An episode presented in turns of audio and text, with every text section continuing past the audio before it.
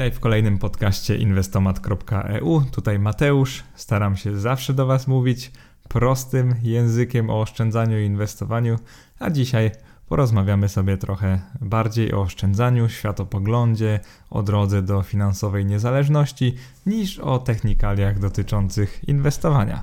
Czyli będzie to podcast e, z gatunku tych o oszczędzaniu. Tak naprawdę bardzo za nimi stęskniłem, bo ostatnio jedyne co dla Was nagrywałem to były te ETF-y. No i oczywiście ETF-y to temat bardzo ciekawy. Jeżeli jeszcze nie słuchałeś lub nie słuchałaś tych podcastów, to bardzo serdecznie do nich zapraszam. Ale dzisiaj skupimy się trochę na czymś innym, czyli myślę, że będzie bardziej osobiście. Myślę, że chciałbym wytłumaczyć Tobie, drogi słuchaczu, droga słuchaczko, dlaczego robię to, co robię, czyli dlaczego oszczędzam aż 70% z każdej wypłaty o co mi chodzi w tym wszystkim i co chciałbym w ten sposób osiągnąć. Podcast ten zatem będzie o tak zwanym ruchu FIRE, czyli z angielskiego Financial Independence Retire Early. Tak jak sama nazwa wskazuje, chodzi o to, żeby dojść do finansowej niezależności, do finansowej wolności i żeby wcześniej przejść na emeryturę. I oczywiście ilu członków tego ruchu tyle różnych opinii o tym, co on tak naprawdę znaczy i o co, o co w tym wszystkim chodzi. Natomiast ja nagram Wam o mojej wersji e, wydarzeń, o tym, o co mi chodzi, żebyście mogli mnie trochę lepiej zrozumieć i zrozumieć, dlaczego od tylu lat, tak wcześnie bym powiedział, bo tak naprawdę od 20 roku życia, zacząłem się interesować inwestowaniem. I zacznijmy od takiego leciutkiego wstępu, czyli może od podejścia do inwestowania Polsce, do tego co zauważyłem przeglądając różne grupy na Facebooku, czytając różne fora, a także po prostu czytając inne blogi finansowe i te komentarze pod, e, pod wpisami. Zauważyłem przede wszystkim taką tendencję Polaków do podchodzenia do inwestowania jako do takiej krótkoterminowej spekulacji, która ma przynieść nie wiadomo jaką stopę zwrotu, na przykład 30, 50%, a nawet 100% rocznie. I powiem Wam szczerze, że bardzo dziwi mnie to podejście, bo jakby to jest publicznie wiadomo, że najlepsi inwestorzy typu Warren Buffett, tak naprawdę Jack Bogle już, już e, w tej chwili świętej pamięci, czyli ten tak naprawdę twórca pierwszych ETF-ów, Phil Fisher, czyli to są autorzy takich niesamowicie dobrych książek o analizie fundamentalnej, ben Graham, kogo tu jeszcze wymieniać? Tak naprawdę wszyscy wielcy inwestorzy tego i poprzedniego stulecia e, osiągali, a przynajmniej tak mówili, osiągali stopy zwrotu z inwestycji takie rzędu 15, 20, 25% rocznie maksymalnie. I to i tak były stopy zwrotu no, niesamowicie dobre. Później patrzymy na indeksy. Weźmy sobie SP 500, czyli ten indeks największych spółek amerykańskich. No i przynosi on średnio, oczywiście w zależności od tego, z jakiego momentu zaczniemy liczyć, ale gdzieś tam historycznie od 6 do 8, może 9% brutto. Tak jak Wam powiedziałem, to bardzo zależy od momentu zaczepienia się, Niemniej takie oczekiwanie może być na, taki, na zwykłym inwestorze, że zarabiał będzie około 6 do 8, może 9% rocznie brutto. Później jeszcze do tego dochodzi podatek. Zakładamy, że płacimy podatek belki, że nie optymalizujemy podatkowo w ogóle. Wtedy wychodzi nam netto, czyli na rękę około myślę 5-6%. I to jest oczywiście o wiele lepiej niż lokata, no ale to jest coś, czego możemy się spodziewać.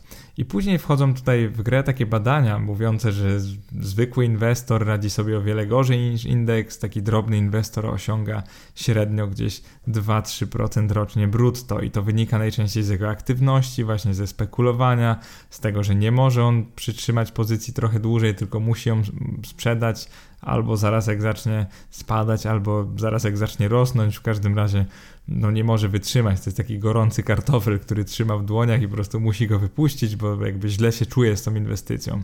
I właśnie trochę w ten sposób widzę polskiego inwestora. I to nie jest żadna krytyka wszystkich polskich inwestorów, bo założę się, że mamy wielu takich fundamentalistów, którzy trzymają pozycję przez lata ale powiem Wam szczerze, że widzę taką tendencję do zadawania pytań, co będzie jutro, y, dlaczego wczoraj było tak jak było, co będzie za tydzień. Tak jakby jesteśmy strasznie zaczepieni na krótkim terminie i w ogóle nie staramy się myśleć długodystansowo.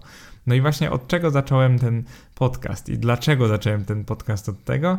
Y, to jest coś, co chciałem w sobie zbudować od początku inwestowania, czyli takie coś, że nie, że mam cały kapitał i stawiam go, wiecie, na szali danego dnia i mogę go stracić, zyskać, y, tam dwukrotność. Y, no tak jakby przestałem mieć takie oczekiwania, że w pewnym momencie podwoję mój kapitał. Tak naprawdę nie mam w ogóle takich oczekiwań i stwierdziłem, że muszę sobie założyć coś realistycznego.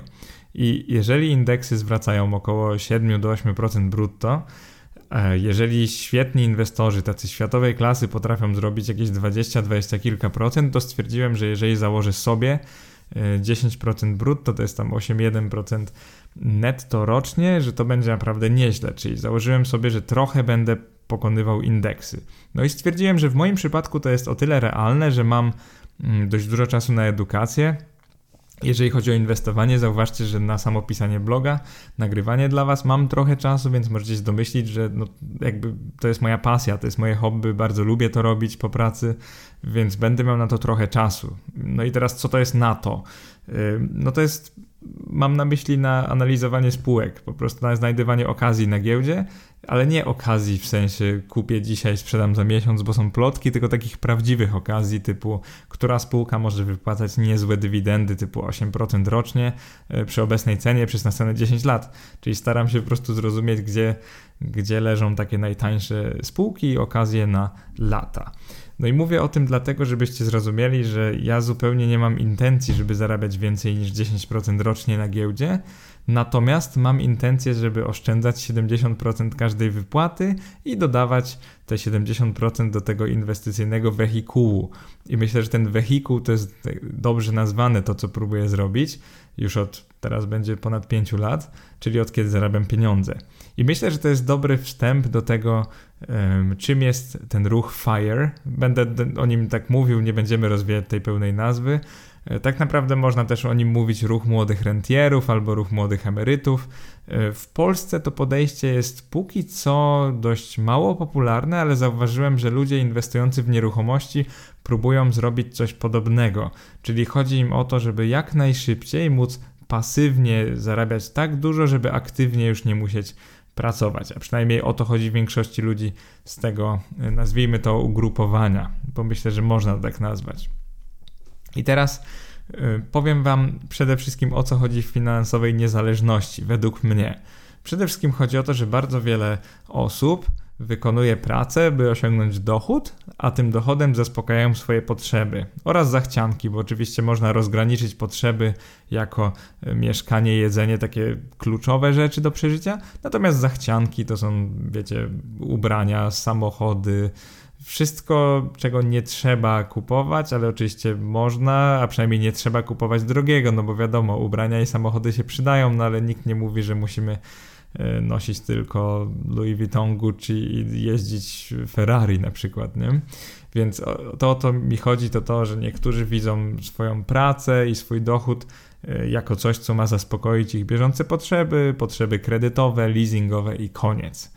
I według mnie ludzie bardziej świadomi finansowo to są tacy ludzie, no nie chcę nic mówić, ale jak ja, no bo robię coś takiego od lat, to są ludzie, którzy wykonują pracę, by osiągnąć dochód, aby owszem, zaspokoić swoje potrzeby oraz zachcianki. Najczęściej te drugie są o wiele niższe, a tak, żeby oszczędzić i zainwestować. Także widzą sens w tym oszczędzaniu i inwestowaniu. I teraz po co, tak naprawdę po co to robimy, o, o, co nam chodzi?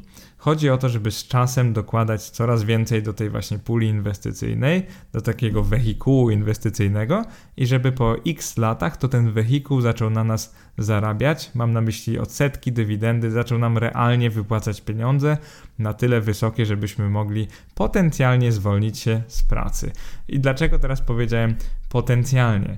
Dlatego, że tak naprawdę mi prywatnie nie zależy o tyle na zwolnieniu się z pracy, co na takiej możliwości wyboru. Czyli nawet myślę sobie o tym w ten sposób, że jeżeli koło 40, czyli od teraz za jakieś 9,5 roku, Jeżeli koło 40 zechcę zwolnić się z pracy, to będę mógł to zrobić. Natomiast jeżeli będę chciał dalej pracować, to nie ma problemu. Czyli podejście jest y, typowo wolnościowe, że tak naprawdę zobaczymy wtedy, co będę chciał robić. I teraz ten ruch Financial Independence Retire Early zrzesza głównie ludzi, którzy zarabiają dość sporo, najczęściej w korporacjach. Najczęściej są oni wypaleni albo wiedzą, że się wypalą w ciągu kilku lat i po prostu nie dają rady y, w swojej pracy i wiedzą już, że nie chcą tego robić. Jeżeli o mnie chodzi, no to powiedziałbym, że nie jest tak ekstremalnie, bo w mojej pracy bawię się całkiem dobrze. Natomiast y, mam po prostu takie przeświadczenie, że nie chciałbym być zależny od czegoś lub kogoś za długo i nie chodzi mi o drugą osobę przed moją partnerkę życiową, chodzi mi o właśnie pracodawcę, że nie chciałbym być związany zbyt wiele lat jakąś umową, y, wiecie, nie chciałbym ryzykować, że może moje umiejętności nie będą już tak w cenie i tak dalej, i tak dalej. To jest jedna rzecz. Natomiast mniej tu chodzi o ryzyko, a bardziej o taką właśnie możliwość wyboru, o takie poczucie, że mogę od tego momentu robić co chcę, mogę prowadzić firmę i tak nie do końca zarobkowo, po prostu nie potrzebuję tych zarobków, więc mogę sobie przez pewien czas po prostu się, wiecie, bawić. No i może ta firma wypali lub nie, w każdym razie mogę to robić w taki sposób bezpieczniejszy niż standardowi założyciele firm, którzy muszą wszystko postawić na szale, żeby później się okazało, że są w tych 90 paru procentach, którym po prostu się nie udało. E, więc od zawsze miałem takie przeświadczenie, że nie mam świetnego pomysłu na firmę, więc nie będę na siłę zakładał jakiejś spółki handlowej tylko, żeby robić pieniądze. Stwierdziłem, że stanę się etatowcem, można powiedzieć, no, tak jak prawie każdy. Natomiast na tym etacie zawsze czułem, że no, nie do końca mi to odpowiada, że po prostu chciałbym mieć większy wpływ na swoje życie. No i właśnie ta droga do finansowej niezależności to jest jakiś sposób, żeby mieć prawdziwy wpływ na na swoje życie. Więc y, tutaj myślę, że warto też rzucić taki cytat y, z filmu Fight Club, jednego z moich ulubionych. Y, bohater, zresztą nieistniejący, wirtualny Tyler Derden, to było takie alter ego głównego bohatera, Nieco nihilistycznie skwitował to w pewnym momencie, że my, ludzie dzisiejszych czasów, wykonujemy pracę, której nienawidzimy, byśmy mogli kupić rzeczy, których nie potrzebujemy, by zaimponować ludziom, na którym nam nie zależy. I myślę, że to jest kwintesencja tego owczego pędu, który widzę dookoła i tego, co robi y, większość osób. I właśnie to jest coś, w czym nie chciałbym brać udziału. No ale nie myślcie sobie, że ten ruch młodych rentierów jest taki, że wszyscy oni, że wszyscy członkowie FIRE chcą jak najszybciej po prostu zwolnić się z pracy kosztem, wiecie, tak naprawdę wszystkich przyjemności i takich bieżących potrzeb. Bo zupełnie tak nie jest. Ruch FIRE posiada kilka wariantów, z czego takie naj, najbardziej znane, najszerzej opisywane to są Lean FIRE, zwykłe FIRE oraz Fat Fire. I tak naprawdę te trzy się diametralnie różnią podejściem. W Lean Fire chodzi o to, żeby wydawać przed emeryturą jak najmniej, dosłownie żyć no, jak ludzie o wiele biedniejsi niż, niż jesteśmy, wydawać na życie bardzo mało, czyli redukować wydatki maksymalnie, spokojnie być zatrudnionym, także nie startować żadnych biznesów i nie ryzykować za dużo, ale żeby przejść na emeryturę w wieku nawet 35 lat. Także wyobraźcie sobie, że to są ludzie ekstremalnie oszczędni, którzy z życia, no od, jednak nie chciałbym powiedzieć, nie mają nic, ale nie mają zbyt wiele. No i później przechodzą na emeryturę jak najszybciej i na tej emeryturze też niekoniecznie żyją najlepiej, no bo nie zdołali uzbierać tak dużo. No zapytajcie siebie, ile zdołacie uzbierać do wieku 35 lat, nawet jeżeli wiele zarabiacie. Więc to jest ruch Lean Fire. Jeżeli chodzi o zwykły wariant Fire i myślę, że ja jestem właśnie gdzieś tutaj, Tutaj zakładamy dość normalne wydatki przed emeryturą, chodzi o maksymalizację zarobków. Czyli przykładowo myślimy sobie, no w Polsce, żeby przeżyć na, jakieś, na jakimś fajnym poziomie potrzebuję 2-3 tysiące miesięcznie, starczy mi to na jakiś wynajem mieszkania i na całkiem dobre życie, więc myślisz w ten sposób, dobrze, ile muszę więc zarabiać, żeby móc mimo wszystko oszczędzić i zainwestować 70%, wychodzić tutaj około 10 tysięcy netto w pewnym momencie. Oczywiście na początku kariery zakładasz o wiele mniej, bo nikt na początku tyle nie zarabia. Mm, możesz sobie dorabiać różnymi pobocznymi zleceniami, jakimś handlem drobnym, e, jakimiś usługami, więc możesz sobie jakby to rozłożyć na wiele źródeł, natomiast skupiasz się na maksymalizacji zarobków i na maksymalizacji oszczędności. Natomiast zakładasz, że życie musisz prowadzić normalne i na pewnym poziomie. Wtedy wiek emerytalny jest bardziej płynny, można sobie założyć od 40 do 50 lat. E, czyli zakładasz, że po prostu tak jak inni przejdą na emeryturę kobiety w wieku 60, mężczyźni w wieku 65 lat, to na przykład ty sobie zakładasz, że około 50 albo wcześniej, nie? I to jest coś podobnego jak ja mam. Na stronie o mnie napisałem, że mam taki ambitny cel, żeby przejść na emeryturę taką wcześniejszą w wieku 40 lat, bo jakiś cel trzeba mieć. Natomiast od razu wam mówię, że nie będzie dla mnie koniec świata, jeżeli albo nie uzbieram takiej kwoty, żeby na spokojnie sobie wypłacać taką fajną miesięczną dywidendę, mm, albo jak po prostu podejmę inną decyzję, więc jakby zostawiam sobie ten bufor na różne ewentualności. Więc nie chcę za bardzo też tutaj się komitować w taki ruch, tylko żeby się komitować. Przede wszystkim chcę mieć szczęśliwe, fajne życie. E, trzeci wariant tego ruchu to jest fat fire, czyli grube fire. No i tak jak nazwa wskazuje, albo grubo, albo wcale. Miesięczne wydatki przed emeryturą są ogromne, od 5 do 10 tysięcy. Źródło przychodów to wręcz musi być własny biznes, czyli trzeba zarabiać bardzo dużo, bo inaczej nie będziecie w stanie tego osiągnąć. Wiek emerytalny jest dowolny, im wcześniej, tym lepiej. Tu jest taki pomysł, że ktoś staje się młodomilionerem i po prostu po kilku latach prowadzenia firmy, która osiągnęła niebywały sukces, przechodzi na emeryturę, gdzie wydaje jeszcze więcej niż wcześniej. Także taki trochę American Dream. Y, to w każdym razie nie jest mój scenariusz, nie założyłem firmy, nie planuję jakby mieć jakichś szalonych wydatków, więc ja jestem zdecydowanie najbliżej tego zwykłego FIRE. I teraz opowiedzmy sobie trochę o członkach tego ruchu, czyli kim oni są, co ich wyróżnia i o faktach i mitach dotyczących FIRE. Natomiast później od razu Was ostrzegę, przejdziemy do części obliczeniowej. Wiecie, że ja uwielbiam wykresy, tabelki i diagramy, więc trochę Wam opowiem o takich obliczeniach, czyli ile w Polsce trzeba mieć wpływów, żeby móc przejść na emeryturę w danym wieku, według mnie. To będzie może ciekawsza część. Natomiast wracamy do członków ruchu FIRE. Kim oni są? Y, zazwyczaj to są ludzie, którzy wybierają bardzo dobrze płatne zawody, bo po prostu inaczej się nie da.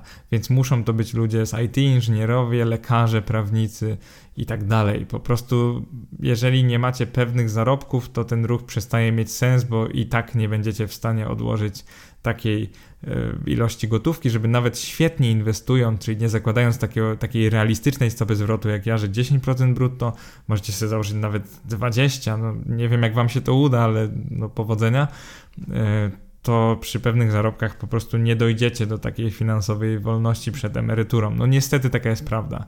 E, ci ludzie są na drugim miejscu też bardzo oszczędni, czyli starają się oszczędzić przynajmniej 60 do 80% każdej wypłaty. O ile na początku to jest trudne, jak się ma tą niską wypłatę, to później jest coraz łatwiej.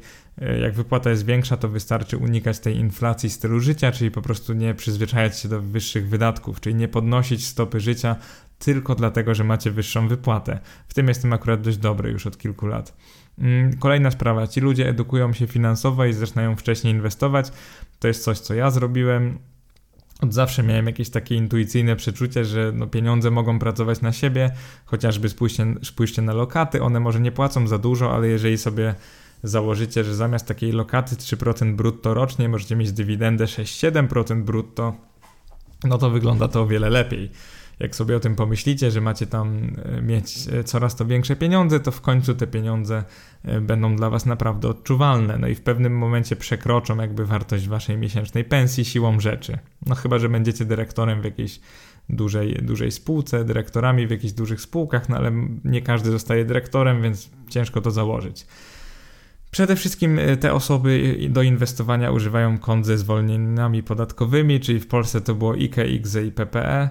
No i wiadomo, że jak myślimy o wcześniejszej emeryturze, to może to jest trochę abstrakcyjne, że będziemy używać IKE i KZT, bo nam się te konta tak nie przydają, ale mimo wszystko warto jest używać tych kont, no bo w tamtym wieku też będziemy potrzebować pieniędzy.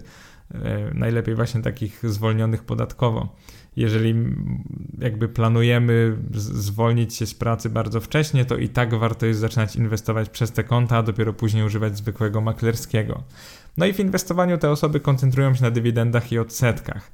Czyli to jest bardzo ważne, że na tej komponencie wpływów miesięcznych, na cashflowach, a nie na wzroście wartości całej inwestycji. Oczywiście fajnie jest, jeżeli ona wzrasta, natomiast zainteresowanie jest typowo w te cashflowy, a nie w spekulacyjny wzrost wartości inwestycji. Bo też pamiętajcie, że osoby te bardzo poważnie traktują swój kapitał i jakby nie mogą ryzykować zbyt wielką jego, jego częścią, więc chodzi o to, że naprawdę unikamy ryzyka e, całym kapitałem, a tak naprawdę unikamy ryzyka nawet większą częścią kapitału. Chcemy, żeby to była taka, mm, nazwijmy to, inwestycyjna krowa, inwestycyjny wehikuł. E, to ma być e, wielkie, spasłe i powolne i nie ma zbyt dynamicznie zmieniać wartości, bo nie o to chodzi. Czego zwolennicy tej ideologii FIRE unikają? Przede wszystkim zadłużania się i mówię to o jakimkolwiek zadłużaniu się, czyli wysoko oprocentowane pożyczki i kredyty konsumenckie przede wszystkim, o tym można zapomnieć. E, kredyt hipoteczny też raczej unikanie, chyba że okazyjny i na jakichś świetnych warunkach, bo gdzieś trzeba mieszkać.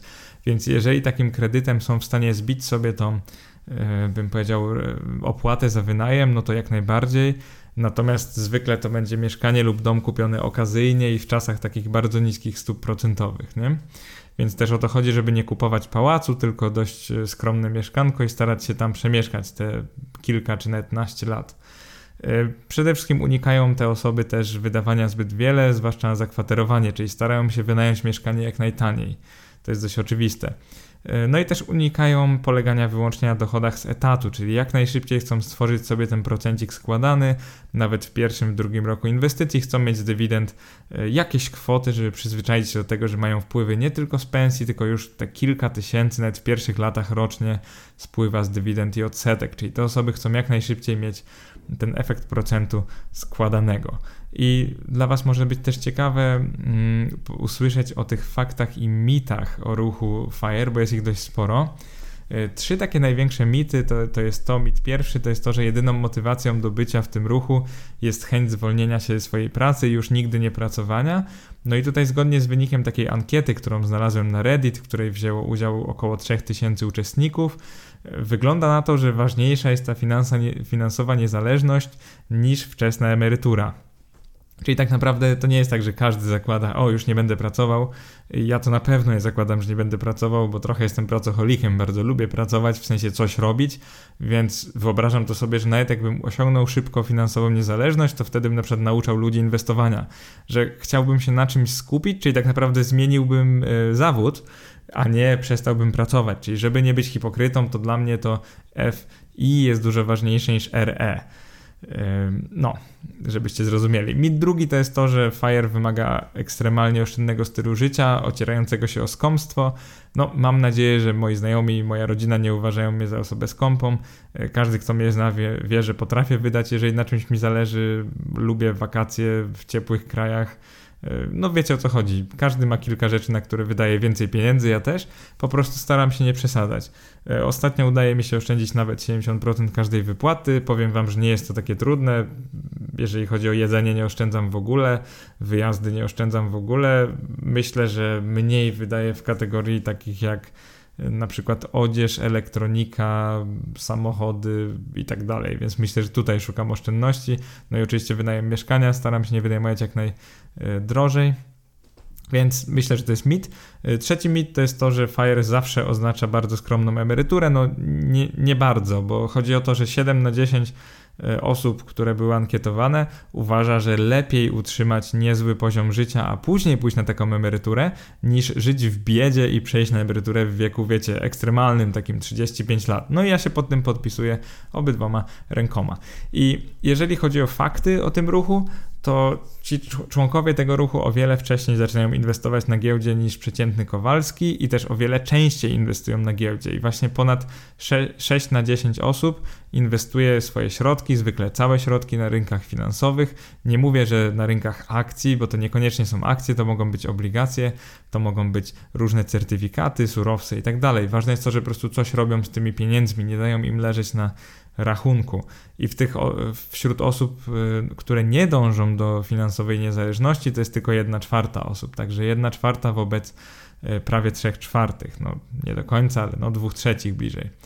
Y, następny fakt to jest, to jest to, że połowa z finansowo niezależnych ankietowanych rozpoczęła inwestowanie przed 30. No i to chyba nie dziwi, nie wymaga wytłumaczenia. I nagrywam to do moich słuchaczy i wiem, że wielu z Was dopiero zaczyna, możecie mieć o wiele więcej niż 30 lat i nie ma w tym nic złego. Tak naprawdę ważne jest to, żeby zacząć jak najszybciej inwestować, żeby po prostu zacząć inwestować. Nawet jeżeli macie teraz 50 lat, to o wiele lepiej wyjdziecie na tym na emeryturze, jeżeli zaczniecie inwestować, niż jeżeli nie zaczniecie. Mm, zwłaszcza, że najczęściej jak do mnie piszecie, jesteście w wieku właśnie około 50-60, no to już macie takie pokaźniejsze środki, więc jeżeli to zrobicie bezpiecznie i rozsądnie, to bardzo fajnie na tym wyjdziecie tak czy siak. I teraz y, trzeci fakt jest taki, jeżeli chodzi o tych członków ruchu FIRE, jest taki, że y, obok wpływów zatrudnienia to jest jakieś 50% ich wpływów, 25% z czasem to właśnie są wpływy z inwestycji giełdowych, czyli Najwięcej tych dodatkowych środków właśnie mają z giełdy, z dywidend, z odsetek albo ze wzrostu wartości swoich instrumentów finansowych. 8% mają otrzymane w spadku, każdy dostaje czasem spadki, więc ci ludzie też. 7% z wynajmu z nieruchomości, także ci ludzie też y, lubią inwestować w nieruchomości. 10% to są inne źródła typu freelancing, jakiś tam copywriting, korepetycje, drobna sprzedaż typu Allegro i tak dalej. Czyli w ten sposób też mogą zarobić trochę pieniędzy. I teraz przechodzimy płynnie do drugiej części tego podcastu. Tutaj Wam nie będę rzucał za bardzo liczbami. E, tak naprawdę przytoczę tylko trzy scenariusze. W samym artykule jest ich chyba sześć, także jeżeli jesteście ciekawi, będzie ich tam trochę e, więcej, więc zajrzyjcie na mój blog inwestomat.eu. Teraz omówmy sobie trzy takie podstawowe scenariusze. E, w każdym z nich ta osoba zaczyna pracę w wieku 25 lat jego lub jej roczne zarobki wynoszą 5000 netto na samym początku, 5000 zł netto, czyli naprawdę sporo. Zauważcie, że ta osoba zaczyna już od zarobków wyższych niż 75% Polaków w roku, w którym to nagrywam. Także jest to naprawdę sporo. E, więc od razu zakładamy dość wysokie zarobki. Później zakładamy przez pierwsze kilka lat takie całkiem spore podwyżki. Co roku będą one wynosić od 6 do 10%, czyli takie naprawdę spore, jakieś tam awanse i tak dalej. Natomiast po około 10 latach od tego momentu ta osoba ma już tylko podwyżkę inflacyjną, tylko, więc taką bliżej 4, y, może 3 nawet procent. No i do końca życia zakładamy, że będą podwyżki właśnie w około takiej wysokości, że one będą te inflacyjne. I w scenariuszu pierwszym zobaczycie, że to jest konsument, także ta osoba konsumuje 95% swoich przypływów, swoich wpływów, natomiast w pozostałych scenariuszach osoba będzie oszczędzała 70% swojej pensji. I scenariusz drugi i trzeci będą się różniły od tego, że w drugim scenariuszu ta osoba e, nie planuje przejść na wcześniejszą emeryturę, po prostu sobie oszczędza, oszczędza, inwestuje, przechodzi na normalną emeryturę i, i sprawdzamy, ile taka osoba, jeżeli właśnie by oszczędzała 70% wynagrodzenia, potrafiła wykręcić stopę zwrotu 10% brutto, czyli 8,1% netto do 65 roku życia, ile by uzbierała, jaki byłby jej majątek, i ile by mogła sobie dopłacać powiedzmy do pensji. Natomiast w scenariuszu trzecim to jest taki scenariusz, jaki ja obrałem dla siebie. 70% wynagrodzenia oszczędzamy, mm, inwestujemy to właśnie z taką stopą zwrotu 10% brutto i planujemy przejść na emeryturę w wieku 40 lat, więc opiszę Wam takie trzy scenariusze. No i na koniec powiem trochę więcej o moim podejściu. E, więc zaczynamy. Zaczynamy od konsumenta. To jest osoba, która zarabia bardzo dużo, bo tak jak Wam mówiłem, od początku 150% średniej krajowej, ale od razu i przez całą karierę konsumuje prawie wszystko, czyli 95% swoich zarobków. Mimo to taka osoba oszczędza 5% każdej wypłaty, więc co będzie dla Was ciekawe, nawet oszczędzając 5% wypłaty przez te 30 kilka lat pracy, w zasadzie 40, udaje jej się oszczędzić milion złotych za pomocą tych inwestycji. E, I co ciekawe, ta osoba zakładamy, że inwestuje na taką niższą stopę zwrotu 5% netto rocznie. Czyli jest to typowy konsument, nie interesuje się inwestycjami aż tak, udaje mu się wykręcić to 7 coś procent brutto mimo wszystko, bo na przykład inwestuje pasywnie w jakieś ETF-y, fundusze indeksowe i tyle mu wychodzi. I co ciekawe, taka osoba przez całe swoje życie przejada majątek w wysokości około 15 milionów złotych, czyli to jest bardzo dużo. Y, pracuje do 65 roku życia y, i mimo tego inwestowania 5% swojej wypłaty to jest oczywiste, że to jest o wiele za mało, bo zauważcie, że ta osoba ma bardzo duże zarobki, one się ocierają o 30 kilka tysięcy złotych pod koniec kariery y, miesięcznie brutto, więc to jest naprawdę dużo natomiast y, nie udaje jej się prawie nic oszczędzić. Przez, przez całe to życie finansowe do emerytury ta osoba oszczędziła milion, natomiast później go sobie wypłaca, żeby jeszcze przez kilka lat na emeryturze móc osiągnąć taką niezłą E, niezły poziom życia. I co jest bardzo istotne, to to, że ta osoba i tak nie, nie utrzyma swojego poziomu życia, bo na emeryturze e, stopa zastąpienia, jak podaje ZUS, za ileś tam lat, w roku 2050-60 będzie wynosić nie tak jak teraz 50 kilka procent, ale około 30. Czyli możemy liczyć na to, że nasza emerytura będzie wynosiła 30% naszej ostatniej pensji.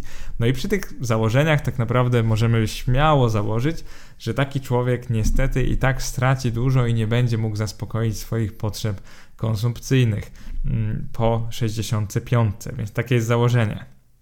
I teraz drugi scenariusz.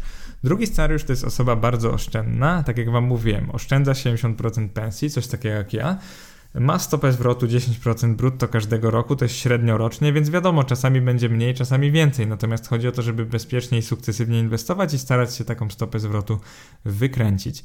Mm, ta osoba pracuje do 65 roku życia, czyli mimo tego, że z inwestycji ma w końcu bardzo dużo pieniędzy, jak zaraz usłyszysz, to ta osoba pracuje bardzo długo.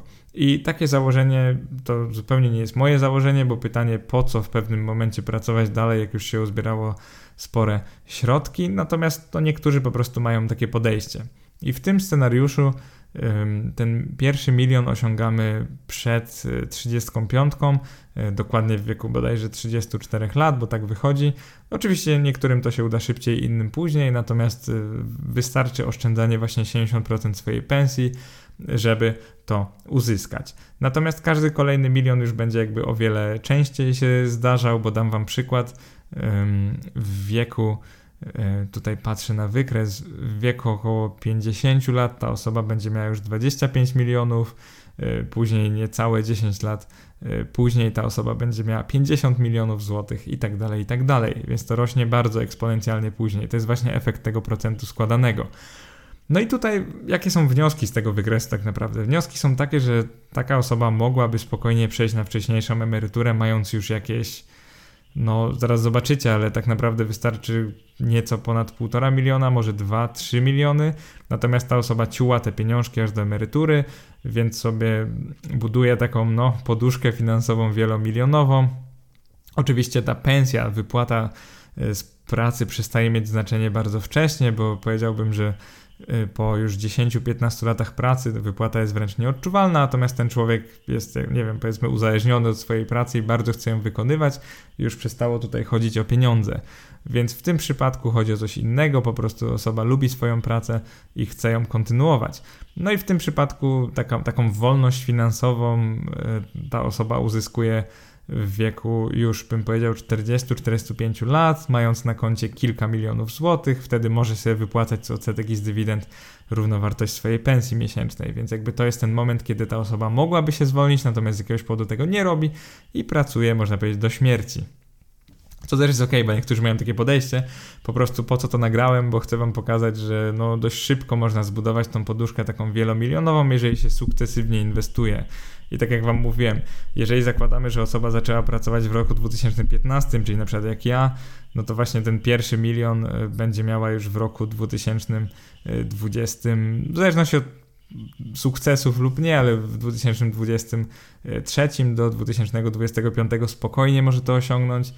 No i później też tak dość szybko już gromadzi, tak? Bo w 2040 jest to już około 10 milionów, w 2050 natomiast około 20 i na przykład w 60 będzie to już 50, więc ten procent składany działa bardzo bardzo szybko i dynamicznie. Oczywiście chodzi o to, żeby w żadnym momencie nie stracić zbyt wiele i żeby utrzymywać tą podobną stopę zwrotu. Jeżeli czasem będzie 20%, czasem 5%, to nie ma problemu.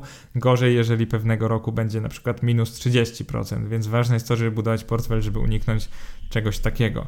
No i teraz przechodzimy do tego case'u mojego, do tego, co ja planuję zrobić, czyli zwolnić się z pracy yy, właśnie w wieku około 40 lat Oczywiście zobaczymy, czy to zrobię, czy nie, ale chodzi o to, żeby móc, a nie o to, żeby to zrobić, więc tak naprawdę najważniejsza jest możliwość. No i w moim przypadku e, jak zacząłem karierę w wieku 25 lat około, czyli tam w 2014-15, no to to by oznaczało, że zakończę karierę w około roku 2030, czyli około 40. E, do tego momentu powinienem zatem uzbierać trochę więcej niż 2 miliony złotych. No i zauważcie, że ta liczba 2 miliony złotych to nie jest tak dużo i nawet jeżeli będzie inwestowana na takiej stopie zwrotu 10% brutto, to zauważcie, że wystarczy, że się trochę noga powinie i już y, tracicie pieniądze i nagle nie macie tej finansowej niezależności, więc to może wam się wydać trochę śmieszne, że ktoś mówi, że mając 2 miliony inwestując je na giełdzie, można osiągnąć niezależność finansową, bo to jest po prostu zbyt niebezpieczne.